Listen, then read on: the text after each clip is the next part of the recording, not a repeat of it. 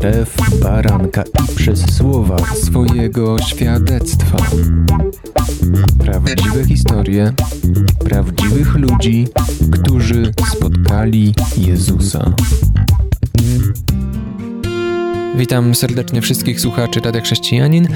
Jest ze mną dzisiaj Aleksandra Frączek. Witam Cię, Olu. Witam, witam bardzo serdecznie. Będziemy rozmawiać o świadectwie nawrócenia, co wydarzyło się przed tym momentem decyzji, aby oddać życie Jezusowi i co się wydarzyło po, co jest nie mniej, może nawet bardziej ważne. Jak do tego doszło, że usłyszałaś o Jezusie i poznałaś Go jako swojego Zbawiciela, Pana i postanowiłaś, że warto oddać Mu swoje życie, że po prostu oddasz Mu kierowanie swoim życiem? U mnie to wszystko wydarzyło się e, bardzo nagle. Tych wszystkich takich momentów decyzji, zastanawiania się w sumie, można powiedzieć, że nie było. Pochodzę z rodziny takiej typowej rodziny katolickiej, jak to wielu z nas w Polsce. Takiej średnio praktykującej, ale gdzieś chyba ja jako naj, z całej rodziny najbardziej utożsamiałam się z tym kościołem katolickim, gdzie już rodzice przestali chodzić, moja młodsza siostra też. A ja gdzieś chodziłam, ale to było takie bardzo. E, Bez przekonania? No, przekonania. Może było w tym jakiś taki strach, bo y, gdzieś jako dziecko miałam taką relację dosyć intensywną e, z moją ciocią i wujkiem, którzy byli bardzo tacy religijni. Przez to dużo jakichś tam rzeczy było mi wpojonych, że jak umrzesz bez spowiedzi, to pójdziesz do piekła. I ja bardzo dużo tego, tego wszystkiego gdzieś tam u mnie w głowie było, więc z takiego strachu bardziej, bo gdzieś te rzeczy związane trochę z kościołem, samo przebywanie w kościele jakoś tak wzbudzało we mnie zawsze jakiś taki niepokój, ale z drugiej strony gdzieś to, że jest piekło, że po tej śmierci, no jednak jak nie spełnisz jakichś tam zasad, to, e, to tam wylądujesz. Nie chciałam tego bardzo. To wzbudzało jeszcze większy niepokój. Tak, tak. I to, e, i to powodowało, że jak gdzieś chodziłam do kościoła, raz w roku spowiadać się chodziłam, żeby po prostu nie pójść do piekła, e, ale nic z tego nie wynikało w moim życiu. Prowadziłam życie w żaden sposób nieodzwierciedlające tego, co Bóg mówił i, i co było zapisane w Biblii, bo też jej nigdy nie czytałam.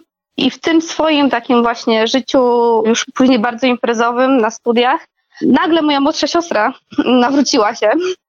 E, no i wtedy ja wraz z rodziną zaczęliśmy ją prześladować by zabrzmiało poważnie. Na czym to polegało? Tak. Wyśmiewaniu, czy dokuczaniu, czy co? Może nie wyśmiewaniu, ale takim, no na początku oczywiście pojawił się gdzieś taki niepokój, co to w ogóle jest. Ja pochodzę też z takiego małego miasta na Podkarpaciu. Nigdy w życiu, naprawdę nigdy w życiu do momentu nawrócenia czy mojej siostry nie słyszałam o kościele protestanckim, w ogóle o innym kościele niż kościół katolicki, więc to wszystko e, dla mnie brzmiało po prostu jak jedna wielka sekta.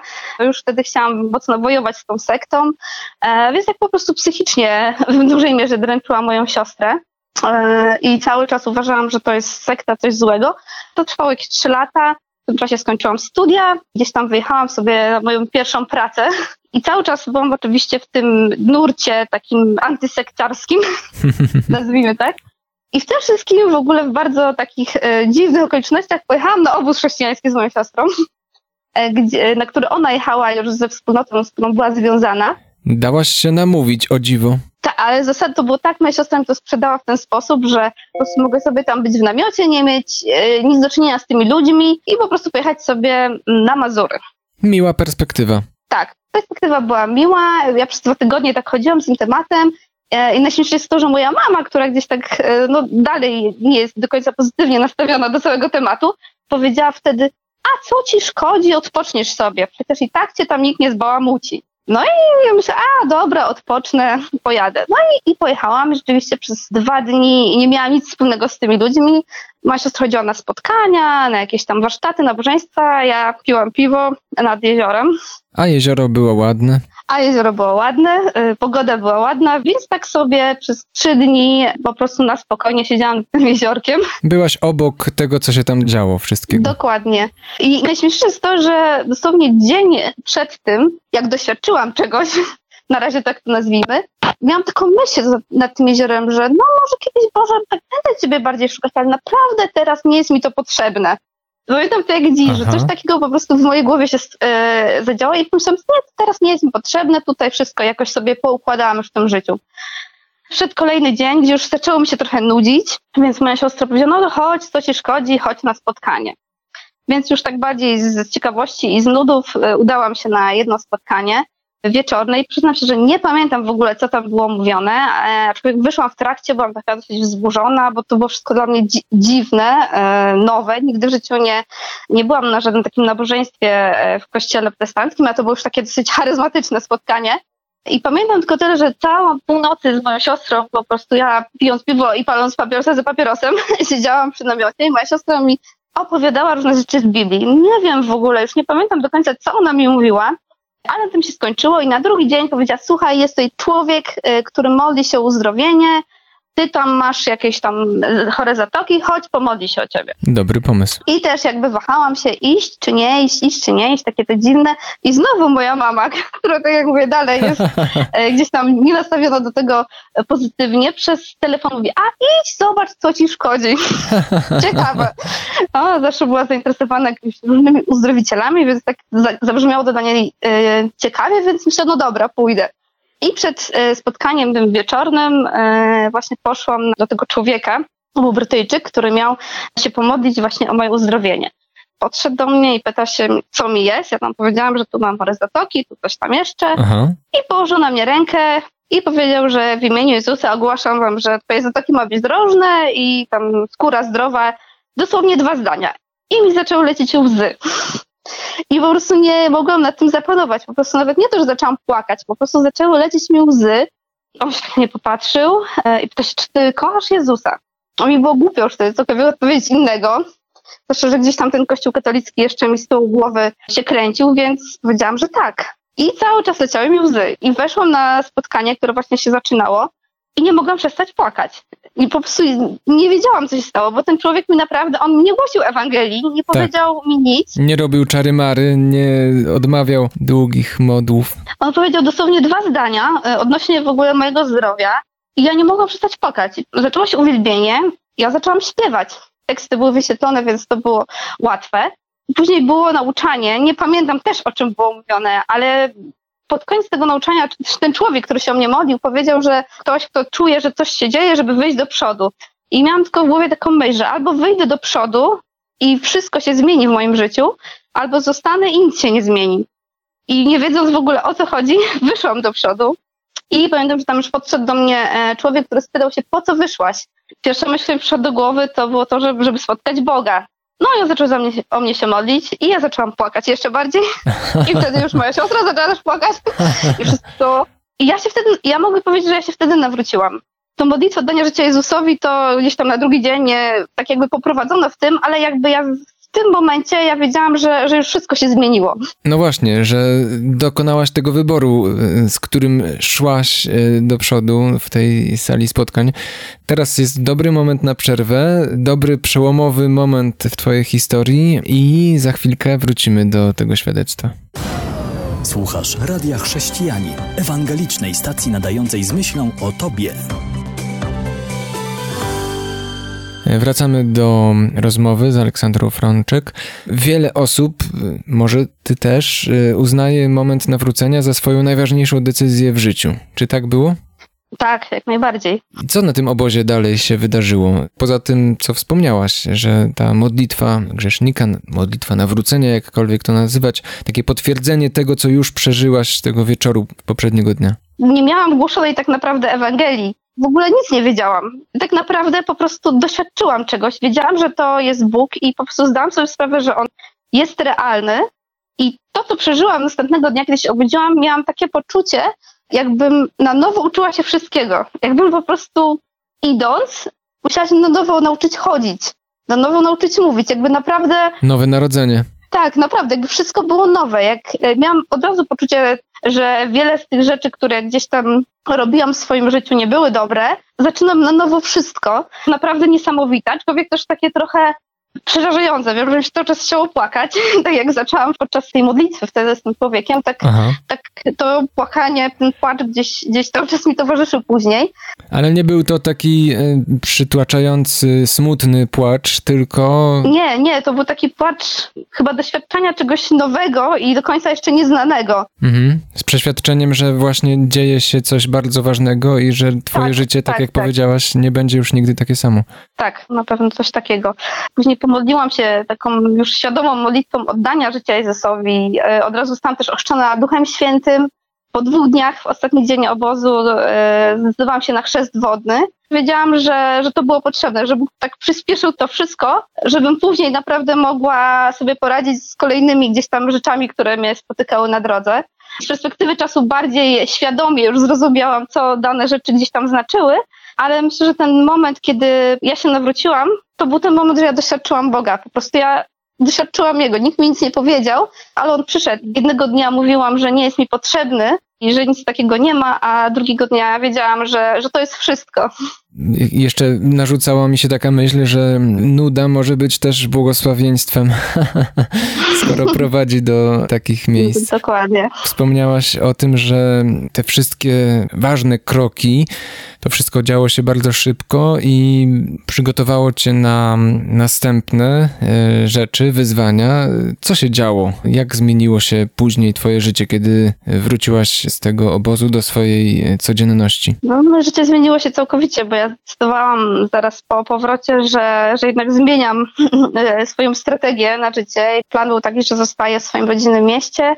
Podjęłam decyzję, że przeprowadzam się do Warszawy, tam e, gdzie był też kościół, gdzie była moja siostra we wspólnocie. Po miesiącu zamieszkałam no, z liderkami e, kościoła, wspólnoty, więc to było naprawdę najlepszą decyzją, jaką mogłam podjąć wtedy, ponieważ na pewno łatwiej jest wzrastać w Bogu, kiedy jest się otoczonym przez, przez ludzi. Z perspektywy twoich starych przekonań, no to wpadłaś głęboko w sektę, bo nie dość, że się przeprowadziłaś, to jeszcze w sam centrum, no bo jeszcze mieszkasz z liderkami, ojej. Tak, tak to może trochę brzmi rzeczywiście teraz. E, aczkolwiek są do tej pory moimi najlepszymi przyjaciółkami, więc... E, sprawdziły więc, się e, jako... Sprawdziły właśnie. się jako przywódczynie sekty i przyjaciółki, nie żartuję. Miałem na myśli, e, e, oczywiście poza tymi żartami, które sobie tutaj robimy, że też sprawdziły się jako, jako ludzie po prostu, przyjaciele, przyjaciółki. To jest ważny owoc tego nowego życia. To też jest jakieś świadectwo. I co dalej? Spytał się, do czego potrzebna mi była ta szybka akcja, tak ją nazwijmy. Przyszedł jakiś taki moment z pół roku po moim, po moim nawróceniu, gdzie doświadczyłam takich intensywnych ataków duchowych i to było coś naprawdę bardzo, bardzo nieprzyjemnego i mocnego, gdzie doświadczałam jakichś takich dziwnych stanów e, w nocy, gdzie naprawdę ja myślałam, że umrę to był jakiś taki apogeum strachu, z którym zmagałam się przez całe swoje życie i przyszedł taki po prostu zmasowany atak. Kilka miesięcy, ale dzięki temu, że Bóg do mnie przyszedł i że jakby dostałam pełny pakiet na początku i też jakby miałam wsparcie właśnie wierzących ludzi, e, którzy też e, mieli pewną dojrzałość, przeszłam to i pokonałam taki strach, który już w tej formie nigdy do mnie nie wrócił. To był naprawdę taki wielki krok e, milowy w moim życiu. To brzmi tak, jakby diabeł wykorzystał, czy chciał wykorzystać najgrubszą broń, jaką mógł w stosunku do ciebie, tak? Czyli wszystkie twoje tak. lęki, strachy. No i nie udało mu się. A jak, jak to zwalczyliście? Jak to zwalczyłaś? Mówię w liczbie mnogiej, no bo powiedziałaś o wsparciu. Możliwe, że gdybyś nie podjęła takiej decyzji nawrócenia, to aż tak ciężka próba by na ciebie nie przyszła. No ale jednak wciąż trzeba było e, jakoś temu zaradzić, jakoś walczyć. E, ja się e, przekonałam w tej walce, że, że Słowo Boże naprawdę ma moc. Główną bronią na początku tego to było po prostu wyznawanie Słowa Bożego. Ja po prostu miałam ścianę przy moim łóżku, w takim starym perelowskim mieszkaniu, zapisaną całą wersetami z Biblii odnośnie strachu, czyli tego, że spokojnie się ułożę i zasnę, bo Ty sam sprawiasz, że bezpiecznie mieszkam i po prostu wszystko, wszystko co jest. Gdy przychodził atak przed spaniem ja to powtarzałam, powtarzałam non-stop. Przyszedł moment, gdzie, gdzie musiałam też skonfrontować jakby takie pewne rzeczy, które widziałam w nocy fizycznie i zaczęłam w imieniu Jezusa konfrontować po prostu to, co widzę. I to zaczęło stopniowo odchodzić. Finałem jakby też całej tej walki było to, że ja przestałam bać się świata duchowego. Będąc jeszcze nie nawrócona i e, będąc dzieckiem, później naprawdę już e, studentką e, i może być osobą dorosłą, bardzo mnie to przerażało. W ogóle jak ktoś mówił o jakichkolwiek duchach, diabeł, szatan, to były tematy, które mnie tak przerażały, że ja w ogóle nie chciałam o tym słyszeć. A nie daj Boże coś... obejrzeć jeszcze jakiś horror y, o egzorcyzmach i tego typu tak, sprawach. Tak, nigdy w życiu. To dla mnie było coś przerażającego. Wtedy ten atak był dla mnie naprawdę przerażający, bo ja zaczęłam pewne rzeczy widzieć i doświadczać naprawdę. Ja się przestałam tego bać. Wiedziałam, że zawsze jest ktoś większy, że jest Jezus i po prostu i nie ma nic więcej nie ma nic większego. Aman. Jaki ten Jezus się okazał jeszcze później, e, porozmawiamy po przerwie i wrócimy do ostatniej już części naszej rozmowy, a teraz piosenka.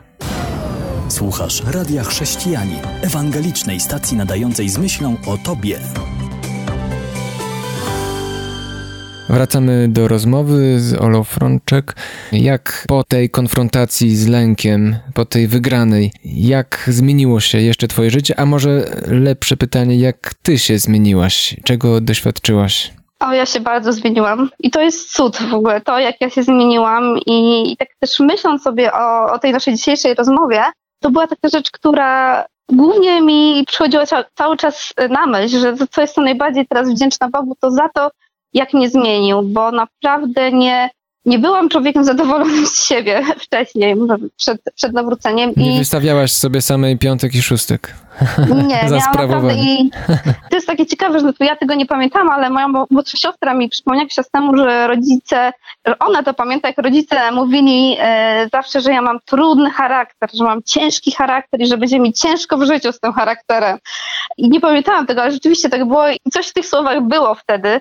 Miałam w sobie dużo jakiejś takiej agresji, buntu, po prostu kumulacją byłam negatywnych emocji, chociaż z zewnątrz może tego nie było widać. A to, jak Bóg mnie zmienił i cały czas zmienia, bo to jakby ciągle jest proces. Jest niesamowite, że naprawdę patrząc na siebie teraz, cieszę się z tego, jakim jestem człowiekiem, cieszę się ze swojego charakteru. Wiadomo, widzę też wady, które gdzieś tam cały czas wymagają poprawek, ale naprawdę cieszę się z tego, jak mnie Bóg stworzył, jaka jestem i, i to, jest, to jest niesamowite. Mam takie odczucie, że ja się zmieniłam o 180 stopni, że jestem po prostu totalnie człowiekiem. Ja odkryłam w sobie nowe talenty, nowy charakter, nowe rzeczy. Wszystko stało się nowe.